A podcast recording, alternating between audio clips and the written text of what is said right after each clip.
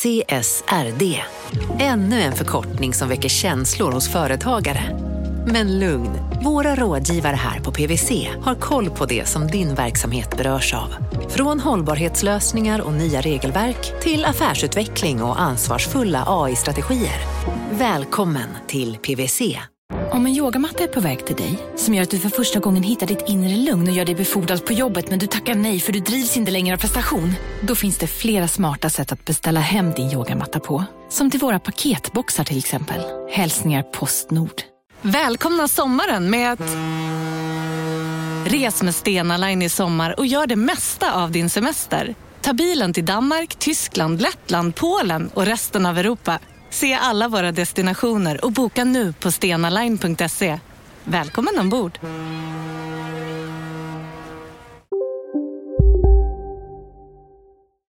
Från Monopol Media, det här är Kapitalet. Jag heter Gunnar Harrius. Och jag heter Jakob Bursell. Jakob, du har skrivit att vi är programmet som avmystifierar ekonomin. Står det för det? Ja, jag tycker det. Välkommen tillbaka förresten. Tack. Eh, Gud vad kul det här ska bli. Ja, verkligen. Ja, kör. Ja, så i, somras var vi på eh, semester i Skåne Ja. eh, och vi hade kört därifrån upp till västkusten, stannade där några dagar och sen var vi på väg tillbaka till Stockholm.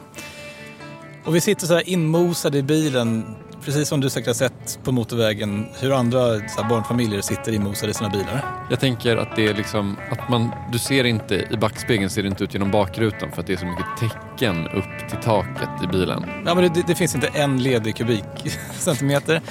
Det är så halvätna bananer, det är vattenflaskor, det är tecknad film på paddan. Det är liksom en total jävla misär på ett plan. Men också lite mysigt på ett sätt som bara en, en småbarnsfamilj kan tycka tror jag. Ja. Eh, och alla är trötta och vi hade kanske en timme kvar till stan. Okej, så en timma från, vart åkte du ifrån sa du? Från eh, västkusten. Okej, så ni är typ Södertälje. Gärna åker man förbi känner jag. Ja, men ungefär gärna. Och eftersom jag då är den enda som kör bil i min familj så sitter jag där framme i förarsätet i min egen lilla här, bubbla, verklighetsflykt. Eh, Man kör koncentrerat, men man kan ändå inte komma ihåg de senaste tre timmarna för man är så trött på, på att köra. Men så fick jag syn på någonting vid eh, vägkanten. Det var en släpkärra eh, som stod på en liten höjd på andra sidan motorvägen. Och på den här släpkärran, och jag tror alla som har kört bil någon gång har sett det här, så sitter då en banderoll. Och så står det, vill du synas här, ring 08 och jada jada, så är telefonnummer. Ja, jag känner igen det här. Och det känns som att det här är en grej som typ, jag vet inte, en bonde gör. Alltså att liksom, det är bonden själv som har ställt ut den här släpkärran med banderollen på åken. Jag tänker att de bara så här, de missar aldrig en, en inkomstkälla. Ja, men ex- exakt, bönderna är ju rätt eh, listiga på det sättet. Och ibland har de bara sprayat någon så här suspekt budskap på någon rundbal. Eller så har de satt upp någonting på någon ladugårdsvägg eller satt dit en sån gammal Audi som är sågad i två delar. Nå- Någonting så här kreativt på, bon, på bondens vis. Mm. Men den här reklamskylten, den såg så här proffsig ut. Mm. Och jag blev bara nyfiken på här, varför var det så proffsigt. Så jag ringde. Till bonden. Ja. Men det var inte en bonde som svarade. Hur många, hur många mil kör du? Eh, senaste året så tror jag vi har åkt 6 000 mil ungefär. så det blir, ja, det blir några mil, det blir det. Det var en helt vanlig kille i Sundbyberg som snart skulle berätta för mig om sin inte fullt lika vanliga affärsidé.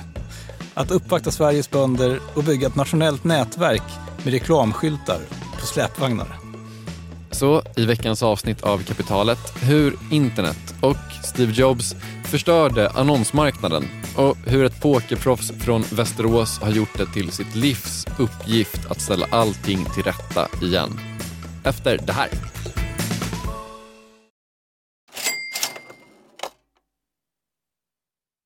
Vi sponsras av Storbrand Asset Management som ju förvaltar över 1000 miljarder norska kronor, bland annat för SPPs eh, många pensionssparare. För två år sedan så investerade Storbrand i drygt 60 tåg, alltså tågvagnar, eh, som rullar mellan London och Skottland. De leasar sedan de här tågvagnarna till tågoperatören som alltså kör tågen och säljer biljetter och sånt eh, med ett avtal på 27 år. Så britterna får nya fina tåg och Storbrands kunder, eh, däribland alltså SPPs pensionssparare, får en inflationsskyddad avkastning med låga risker under lång tid. Det här är ett av supermånga exempel på hur pensionskapitalet i växande omfattning bidrar till att bygga samhället och inte minst till att klara klimatmålen. Det behövs elproduktion, elnät, batteriparker, nya transportlösningar och allt möjligt. Bara i Europa antas investeringsbehovet för att klara klimatmålen uppgå till tusentals miljarder dollar. Och det här är ju pengar som ganska ofta saknas i statsbudgetarna.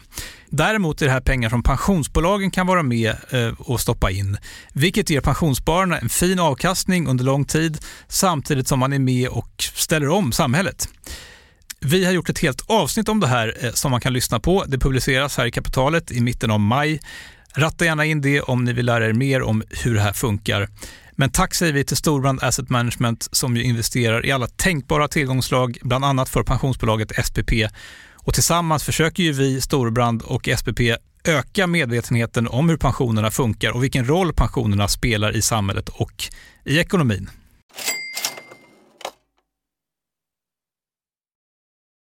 Um, och sen fastnade du för poker. Var, var, var, varför, var, varför, varför blev det poker? Varför vill du inte liksom... Varför blev det poker? Mm, ja, det var nog egentligen om man ska, om man ska vara krass så var det väl den eh, faktumet att jag hade ganska tur i början skulle jag tro. Det här är Per Ström och hela den här historien börjar med att han en gång började livnära sig som pokerspelare. Han är uppvuxen utanför Västerås och drömde som många andra pojkar om att bli hockeyproffs. Han kom in på hockeygymnasiet och spelade i Viks juniorlag, så i, någon mening var han ändå på ja, rätt väg. Det känns som att det är dock, om jag får vara lite negativ mot Per Ström, det är ganska många som hamnar liksom, i, på hockeygymnasiet nivå, eller? Men, men visst, han är ju klart, man, han är ju på rätt spår, absolut. Ja, men liksom, han fattade rätt snart att han inte hade talangen som krävdes. Och det är väl så med idrott, att många känner sig kallade, ganska få blir utvalda. Mm. Per Ström kände sig kallad, han blev inte utvald. Men som eh, alltid i livet så leder alltid ett beslut till något annat. Någonstans under den vevan så, jag tror det var, vi var på träningsläger med hockeygymnasiet där i Västerås. Var vi på träningsläger i Tjeckien. Eh, och då märkte jag att jag, eller jag trodde väl i alla fall att jag kanske hade någon talang för poker för att jag spelade av alla mina lagkamraters eh, pengar på den resan. Så som många andra unga män så upptäcker Perström ett par år in på 2000-talet att man kan spela poker på nätet. Och med det så lägger han snart hockeyrören på hyllan för att bli pokerproffs. Mm. Och jag vet inte vad man ska säga om det. Alltså det enda jag känner är att den tiden var så himla speciell när det var liksom, ja men du vet när Texas Hold'em-setet var årets julklapp. Det var så himla bara så konstig tid på något sätt. Det känns också som att det fanns verkligen så här ett potentiellt stup för alla de här killarna, för det var ju alltid killar, som liksom blev pokerproffs när liksom, så här, alla hoppade på tåget. Sådana som du och jag hoppade på tåget och var ju dåliga på poker och förlorade pengar på poker online.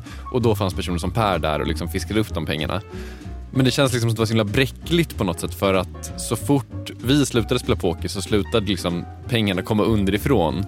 Och min känsla är att det liksom fanns ett stup där någonstans att de bra spelarna snart skulle förlora alla sina pengar till de riktigt bra spelarna. Att det bara känns som att det fanns ett potentiellt mörker där hela tiden. Men det var också en ganska konstig livsstil. Hur, hur såg dina arbetsdagar ut då? Eh, väldigt varierande, men till en början var man ju, tyckte man det var så kul. Så då egentligen då man slog på datorn, satt sig och spelade poker. Satt kanske eh, 12 till 14 timmar per dag och spelade. Eh, men sen då längs med åren så blev det också en hel del resor. Man åkte runt och spelade runt om i Europa på eh, några tävlingar här och där och lite cash game här och där och så vidare. Så även den här gången så kände sig Per Ström kallad. Förlåt, kan vi bara förtydliga att det här inte är jämställdisten och debattören Per Ström som skrivit boken Mansförtryck och kvinnovälde. Utan då en annan Per Ström. Alltså vi, vi har inte intervjuat jämställdisten Per Ström. För jag vet inte, men det är första namnet jag tänkte på när jag hör Per Ström. Jag vet inte. Ja, men vi, vi, vi understryker det. Ja, ja. Bra. Men eh, vår Perström, eh, mm. han kände sig utvald och den här gången så blev han också utvald. I slutändan skulle han försörja sig på poker i 11 år. Kan du gissa vad som hände sen? Alltså jag vet ju vad som hände sen, för det har du redan sagt innan att han, kommer göra det här med, med, reklamen. Men jag tänker liksom att han kanske bara tröttnade i allmänhet på att sitta hemma i kalsongen och spela poker liksom, 12 timmar om dagen. Det låter ganska tråkigt helt ärligt. Dels har det blivit ganska tydligt för mig att jag inte var lika, tyckte inte det var lika lätt att få in de arbetstimmarna som krävdes för att faktiskt kunna tjäna bra pengar på det. Eh, och sen så var det ganska tydligt också att det inte är någon form av ingen utveckling alls på det sociala eh, planet eller privata planet alls, utan det är, eh, det är samma gamla ekorrhjul i stort sett. Ja, jag vet inte, men alltså, det är inte ofta man hör orden social utveckling och nätpoker yppas i samma sammanhang. Nej. Och det är väl bara ganska lätt att känna den där känslan. Okej, så han slutade då alltså? Han slutade. Och han beskriver det här närmast som en uppenbarelse som träffade honom, ironiskt nog, när han var i Las Vegas och spelade kort då, med en kompis. Eh, de skulle gå ut på kvällen och satt eh, hemma och drack en fördrink och pratade om livet i stort. Eh, och jag talade väl om att, att jag gärna skulle vilja hitta något komplement till poker. Någonting som skulle kunna leda mig till någonting annat i framtiden. För jag såg väl att det var ganska ohållbart att jag skulle spela poker tills jag var 65 år gammal. Alltså det, var inte, det var inte riktigt vad jag ville göra. Det är inte kompatibelt med många andra saker här i livet. Som att skaffa familj eller och sådana saker. Eh, och då nämnde han att hans pappa Peter eh, hade ett koncept för eh, marknadsföring. Någonting som han kallade för släpvagnsreklam. Pers kompis berättade då att hans pappa Peter hade en verksamhet som gick ut på att parkera släpvagnar på olika platser i Nyköping och sen sälja reklamplatser på de här vagnarna. Och där och då, i Las Vegas, så bestämde sig Per för att starta upp en likadan verksamhet i Västerås. Men jag sa egentligen där på stående fot att ja, men jättebra, ja, där ska jag köra. Okej, så idén finns och han bara, okej, jag gör samma fast bara i Västerås liksom. Precis, bara i Västerås. Så Per kommer hem och köper släpvagnar från Peter, alltså kompisens pappa, och sätter igång. Det finns bara ett problem. Äh, Eller det kommer finnas flera problem och vi återkommer till dem. Men kanske mest av allt så fanns det en möjlighet. Eh, För det här utspelar sig runt säg 2010. Och det var en tid när annonsmarknadens villkor hade börjat skrivas om i grunden. För när internet flyttar in i mobilerna, då liksom förändras ju spelreglerna på så många sätt. Folk köper saker med sina telefoner, man börjar surfa på nätet, skriva e-post, dejta och allt det där. Och allting sker i luren. Och egentligen oavsett vad man gjorde så var innebörden att folk stirrar ner i sina telefoner konstant. Okej, det här är liksom, man skulle kunna se det som en trend som fortfarande håller i sig. Att folk fortfarande tittar i telefonerna. Det har inte gått över direkt. Nej, precis. Men det är i alla fall ett beteende som har en massa väntade och kanske mer oväntade konsekvenser. Nu pågår en ganska sund debatt om det här med mobilberoende och skärmtid och allt det där. Men bortsett från att det kanske inte är så hälsosamt för hjärnan att liksom halva tillvaron tillbringas i en skärm fem centimeter, Ja. så drabbas ju även andra delar av samhället. Vad menar du med andra delar av samhället? Ja, men exempelvis då att det inte blir så himla lätt att göra reklam för saker. Jag heter Anneli Elfqvist och jobbar på Screen Mediebyrå. Eh, bara för att fylla i, en mediebyrå är alltså ett företag som hjälper ofta väldigt stora annonsörer, typ Coca-Cola eller Ikea eller Volvo eller någonting att nå ut eh, med sina marknadsföringsbudskap. De säger typ så här, vet du vad ni borde göra? Ni borde kanske annonsera i kapitalet och sen så gör Coca-Cola det. Precis. Det finns alltid utrymme för det fortfarande. Eh, det här låter som att det skulle kunna vara ett ganska lätt jobb. Man parar ihop ett varumärke med en kanal. Men i verkligheten så är det typ ganska svårt. Folk är ju väldigt mycket uppe i sina mobiltelefoner. Och det är en utmaning. Anneli Elfqvist har jobbat på mediebyråer hela sin karriär och frågar man henne vad den största utmaningen är idag för henne och hennes kollegor så är det att få räckvidd. Alltså att nå väldigt många människor samtidigt. Mobiltelefonen är förstås en viktig förklaring, men faktum är att typ alla spelregler har skrivits om sedan Anneli började i branschen 1990. Typ. Till en början så jobbade jag ju som receptionist. Eh, sen en dag så tyckte jag att jag ville göra någonting annat. Så då fick jag börja boka annonser, skicka ordrar, ringde tidningarna, skickade annonsmaterial som man på den tiden... Eh, man fick filmer ifrån eh, reklambyråerna. Och de här tog man då i cyan, magenta, svart och yellow och packade ihop och rullade i papprullar. Det frankerades och skickades i stora backar ut till alla FLT som de hette på den tiden, Förenade landsortstidningar. Ehm, För att sen skickas i tryckpressarna och komma ut i tidningen dagen efter. Det är ganska annorlunda från idag. Lite andra takter idag kan man tänka sig. Ja, men det är inte klokt. Det, det är alltid fascinerande tycker jag att höra hur man gjorde saker på typ 90-talet eller Ja. 80-talet. För att det är en sån otrolig kontrast till hur det funkar idag. Men eh, ska man ta med sig någonting av den här lilla tillbakablicken i historien så är det att eh, det var inte så komplicerat att nå ut med olika budskap på den tiden. Det var liksom lättare att få en stor räckvidd för det fanns inte så många alternativ att välja mellan på marknaden. Det säger sig självt nästan att det fanns typ tv, radio, press och utomhus. Ja, Och då kunde man välja dem. Exakt. Taget. Jag tar dem tack. Ja, och så var det klart. Ja. Var det på riktigt så man gjorde? Att man sa jag tar dem tack? Alltså man köpte allt? Då var det ju tv eller utomhus. Eh, kvällspress kallades för fattigmans-tv. För då kom man ut ordentligt över hela landet. Men det var inte lika kostnadskrävande som tv. Det kostar ganska mycket pengar att producera en reklamfilm. Sen var det ju utomhus och då, på den tiden så var ju inte marknaden lika fragmentiserad som den är idag. Utan skulle du göra en kampanj på den tiden så målade man hela stan som reklambyrån ofta sa. Vi vill måla hela stan. Och då fattar man att då, blev det då var det en fet kampanj som skulle gå. Det var mycket pengar. Och då kunde man inte gå någonstans utan att se den här, det här budskapet? Nej, det var, det var ju impact på riktigt. Då fick man genomslag. Det sa liksom bang på en vecka. Det var få som kunde undgå den reklamkampanjen. Så det är lätt att se hur mobiltelefoner och internet gjorde allt det här lite mer komplicerat. Sitter du på bussen och skriver ett mejl, ja, då ser man inte den där affischen i rutan exempelvis. Nej, det är därför man ska göra poddreklam, för då lyssnar man samtidigt som man skriver mejlet. Exakt. Mm. Så bara där har konkurrensen om folks uppmärksamhet ökat jättemycket. Mm. Sen kan man också tänka sig att folks vanor Alltså, förutom mobiltelefonvanorna så har vanorna liksom generellt ändrats ganska mycket. Man kollar inte på tv på samma sätt. Typ. Nej men precis, och det här är en annan poäng som Anneli kommer göra. Folk kollar inte på tv längre utan man kollar på Netflix och HBO och allt vad det heter. Och tittar man mer specifikt på just utomhusreklam så finns det idag många, många fler annonsytor som dessutom kan köpas mer selektivt och så mindre serier. Jag fattar. Det kanske också typ ligger lite i tidsandan också. Att så här, äh, allting nu ska vara mätbart. Det är väl på gott och ont kan jag tänka mig. Men liksom att man ska liksom nå den här kirurgiska precisionen. Man ska nå folk på gröna linjen och inte på röda linjen. Liksom. Uh, och det här är liksom ännu tydligare när det kommer till digital reklam. Alltså jag, vi får ju inte samma reklam, vi jobbar ju till och med på samma jobb. Alltså så här, man, vi har liksom det här otroligt individualiserade liksom, eh, reklamflödet. Precis. Och det här är säkert jättepositivt om du är en annonsör som, som liksom vet vad du gör. För du kan hitta rätt person vid rätt tillfälle. Men i grund och botten så har de klassiska räckviddsmedierna, alltså tidningar, linjär-tv och utomhusreklam drabbats av en perfekt storm.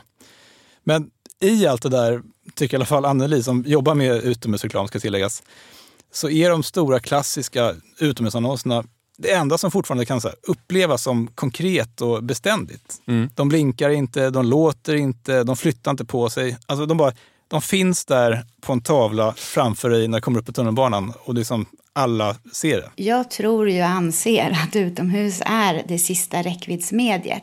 Det är vår sista möjlighet, det vill säga annonsörernas sista möjlighet att nå ut i det offentliga rummet där man vet att alla har sett det. Och det är här någonstans jag vill komma tillbaka till den där liksom, sista olidliga timman i bilen på vägen från semestern när vi passerade Järna. Mm. För vad kan du tänka dig för miljö eller ställe där det passerar otroligt mycket människor som inte kollar på Instagram? Det är väl egentligen bara E4 söder om Stockholm. liksom. E4 norrgående vid Järna. Det kanske heter Järnamotet. Ja, medan världens annonsörer ojade över hur folks uppmärksamhet liksom smulades sönder av tidsandan så satt Per Ström och filade på en trivial men ändå lite kittlande idé. Kan man inte ställa ut sådana här vagnar med reklam över hela jävla landet? Men innan han kom så långt så fanns ett par saker som han behövde lösa. Hur den misslyckade hockeyspelaren Per Ström och hans kompanjoner tog över hela Sveriges vägrenar. Utan att ha körkort. Vadå, hade inte körkort? Hur tar man över Sveriges vägrenar utan körkort? Efter det här.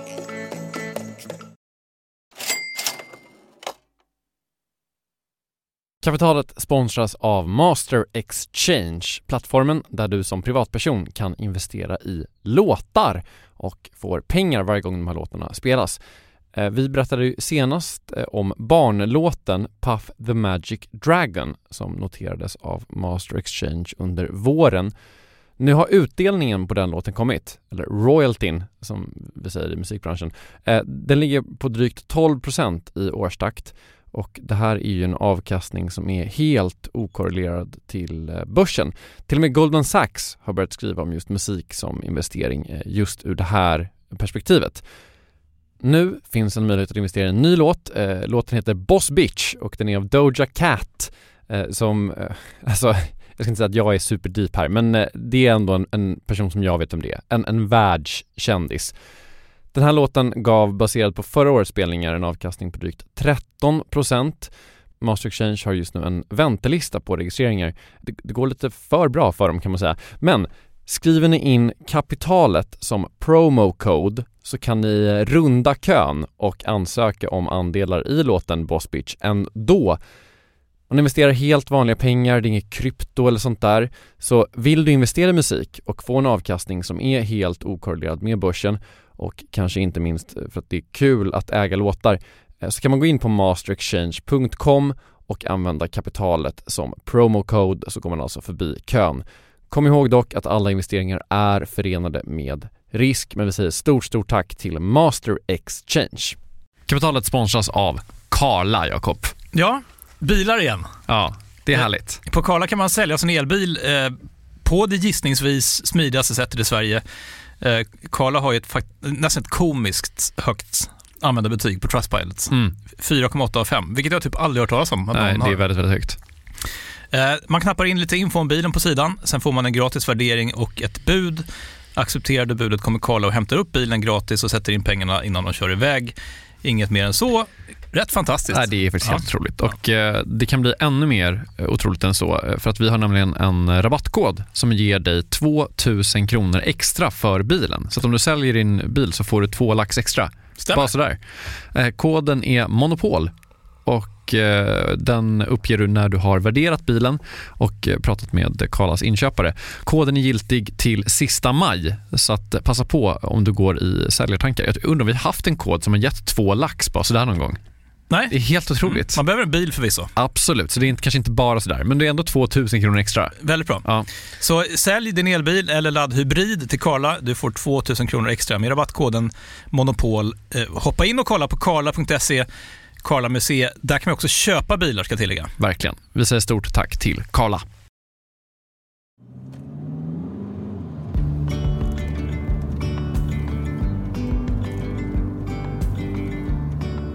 Okej, en snabb återblick. Du Gunnar kommer ihåg Perström eh, var i Las Vegas och spelade poker när han plötsligt fick den här idén att han skulle starta upp en släpvagnsbusiness i Västerås. Jag minns. Ja. Så han ger sig in i det där typ direkt, alltså omedelbart. Eh, han säger själv att det inte var så mycket att tänka på, att han skulle ta tjuren vid hornen direkt, som man säger på sin Västerås-dialekt. Eh, så han köper ett gäng släpvagnar av sin kompis pappa Peter och sen står han där, ett pokerproffs med släpvagnar. Kul. Det var ganska snabba puckar. Hade till exempel inte körkort, hade aldrig övningskört. eh, och det var lite lustigt eh, där i början, kommer jag ihåg när jag skulle åka ut eh, klassiska industriområden i ytterorter, i, som i det här fallet Västerås. Eh, när jag kommer ut på morgonkvisten i taxi till mötena. Eh, så jag vet inte om de trodde att jag hade alkoholproblem eller vad det var för fel på mig egentligen. Men det var hemligheten. Jag hade helt enkelt inget körkort. Men Per, han låter sig inte hindras av det där utan uppvaktar Västerås fastighetsägare och annonsörer tills han har lyckats skrapa ihop några kunder och kunde börja ställa ut de här släpvagnarna med reklamskyltar på. Och, och bara liksom rent konkret, hur funkar det här? Vad är affärsmodellen? Är det så här, han betalar då den här bonden eller fastighetsägaren för liksom hyra där han får ställa den här vagnen och sen så säljer han själv annonsutrymmet och, och liksom så finns det en mellanskillnad där. Liksom. Är det, det, det är dealen? Precis, alltså, superenkel klassisk eh, annonsmodell. Men ändå ganska smart tycker jag. För jag tänker så här, vem kommer på det här? Folk vill ha jätte, så här, häftiga jobb i media, konsultbolag, jobba på Ikea. Alltså, coola jobb. Ja. Man vill inte så här, besöka Frasses och fråga om de vill betala 3000 kronor för att sätta upp en skylt på en släpvagn utanför så här, självemotet. nej, nej, Precis, men han liksom har hittat det enda oglammiga reklamjobbet helt enkelt. Hur går det för honom?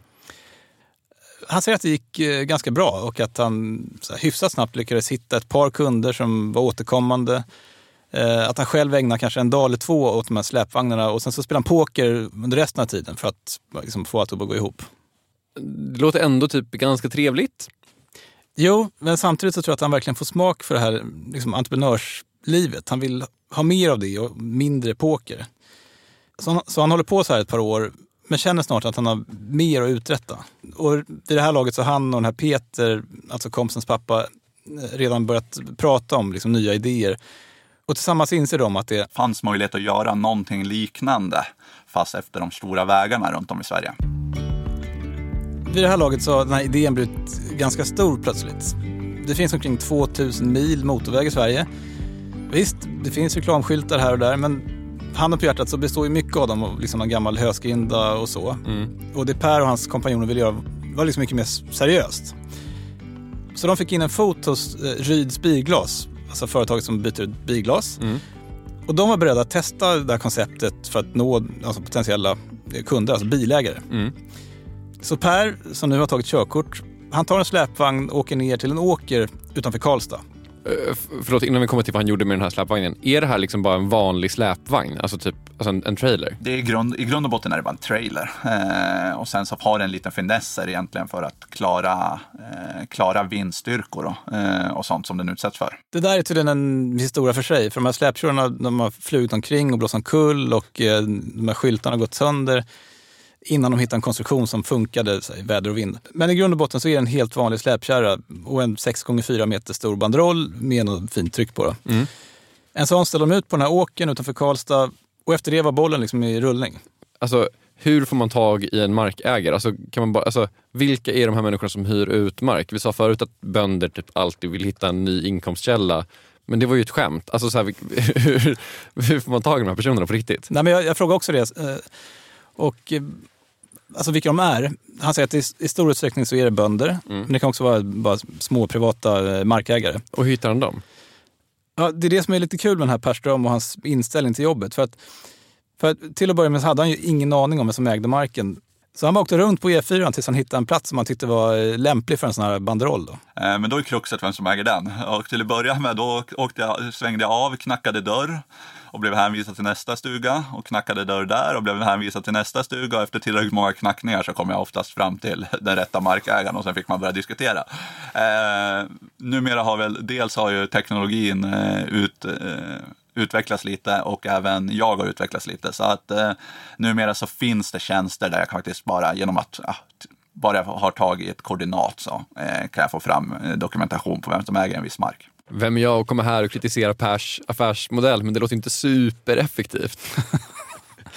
jag vet inte hur jag hade gjort. Alltså, man kan ju också bara ringa exempelvis. Ja. Men Per berättar faktiskt att han aldrig har gillat att använda telefoner.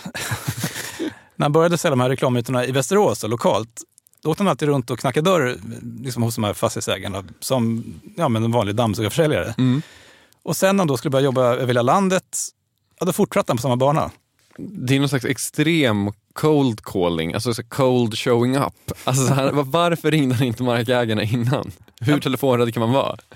Ja, men det handlar inte om rädsla, men det är bara så att hans övertygelse var att det är bättre att träffa någon på riktigt först. Okej, okay, och när han väl då dyker upp, vad säger han? Nej, det är inga krusiduller egentligen, utan jag presenterar mig, talar om eh, vad syftet med mitt besök är. Och ofta, som ja, de flesta människorna är ju väldigt tillmötesgående och, och trevliga. Så att eh, det brukar oftast resultera i att det blir både en kaffe och många gånger en bulle också. Sen så diskuterar man livet i stort under en halvtimme och sen så kollar man lite på eh, just eh, den här lösningen då som, som jag har och jag berättar lite om vilket företag det är vi hjälper och eh, ja, berätta lite om mig och vår verksamhet helt enkelt. Och utefter det så brukar det inte vara några no, större konstigheter. Ja, Okej, okay. det låter ganska rimligt och det låter som Per är trevlig och jag kan verkligen tänka mig att det går bra för honom. Men vi var någonstans. Eh, per eh, hade slutat köra lokalt i Västerås. Han ska nu gå liksom nationellt och han har det här liksom pilotgrejen going där han har ställt ut lite olika eh, lastbilar som ska göra reklam för det här Ryds eh, bilglasbyten. Det har ni säkert sett över landet. Okay, så du, kör.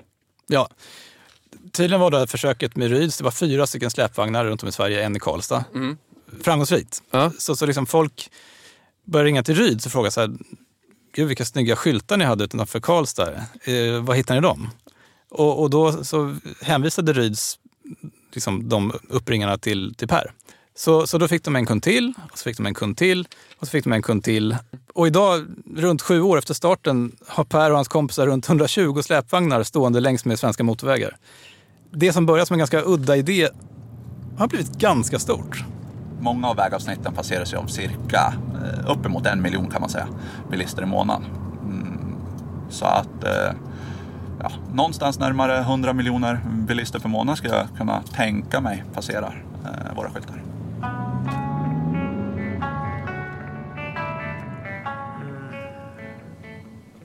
Mm. Om, om, du hör liksom att det finns en kille då som ränner upp och ner i Sverige längs med motorvägen och ställer ut eh, släpkärror med stora banderoller. Eh, för att komma åt bilisternas uppmärksamhet. Är det, tycker du att det är liksom dårskap eller låter det som en kul idé? Det är inte bara en kul idé, det är helt fantastiskt. Man får ändå känslan att eh, den här Perström faktiskt kan vara någonting på, på spåren här. Det är inte sexigt, det är inte effektivt. Han berättade exempelvis för mig att han i somras körde förbi alla 120 släpvagnar för att hugga bort sly då, som stod i vägen på skyltarna.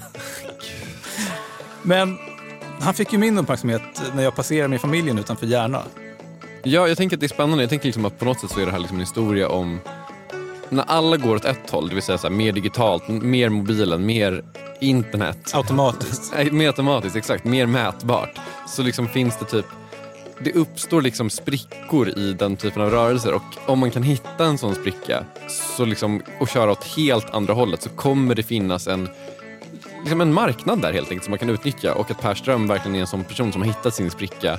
Och den kanske inte låter som att den är så här jättesvår att hitta men det är ju annars typ bara han som har gjort det. Och det känns också ganska självklart att den som hittar en sån spricka det är en kille utan utbildning som har livnärt sig som pokerproffs och som bara liksom ser en kul grej och så gör han det.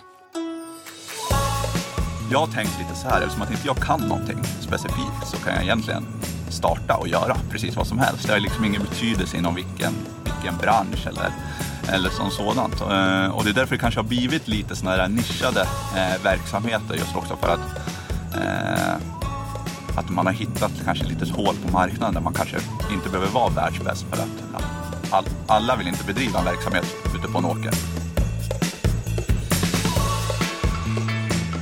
Du har lyssnat på Kapitalet, ett program från oss på Monopol Media. Jag heter Jakob Bursell. Jag heter Gunnar Harjus. Eh, Åsa Secker var inte med idag. Hon är tillbaka senare i höst. Ni behöver inte vara eh, oroliga. Kristoffer Krook har slutmixat det här. Följ oss gärna på Instagram eh, om ni vill. Där heter vi Kapitalet. Stort tack för att ni har lyssnat. Hej då. Hej. Det är kul tycker jag. Ja. Ja.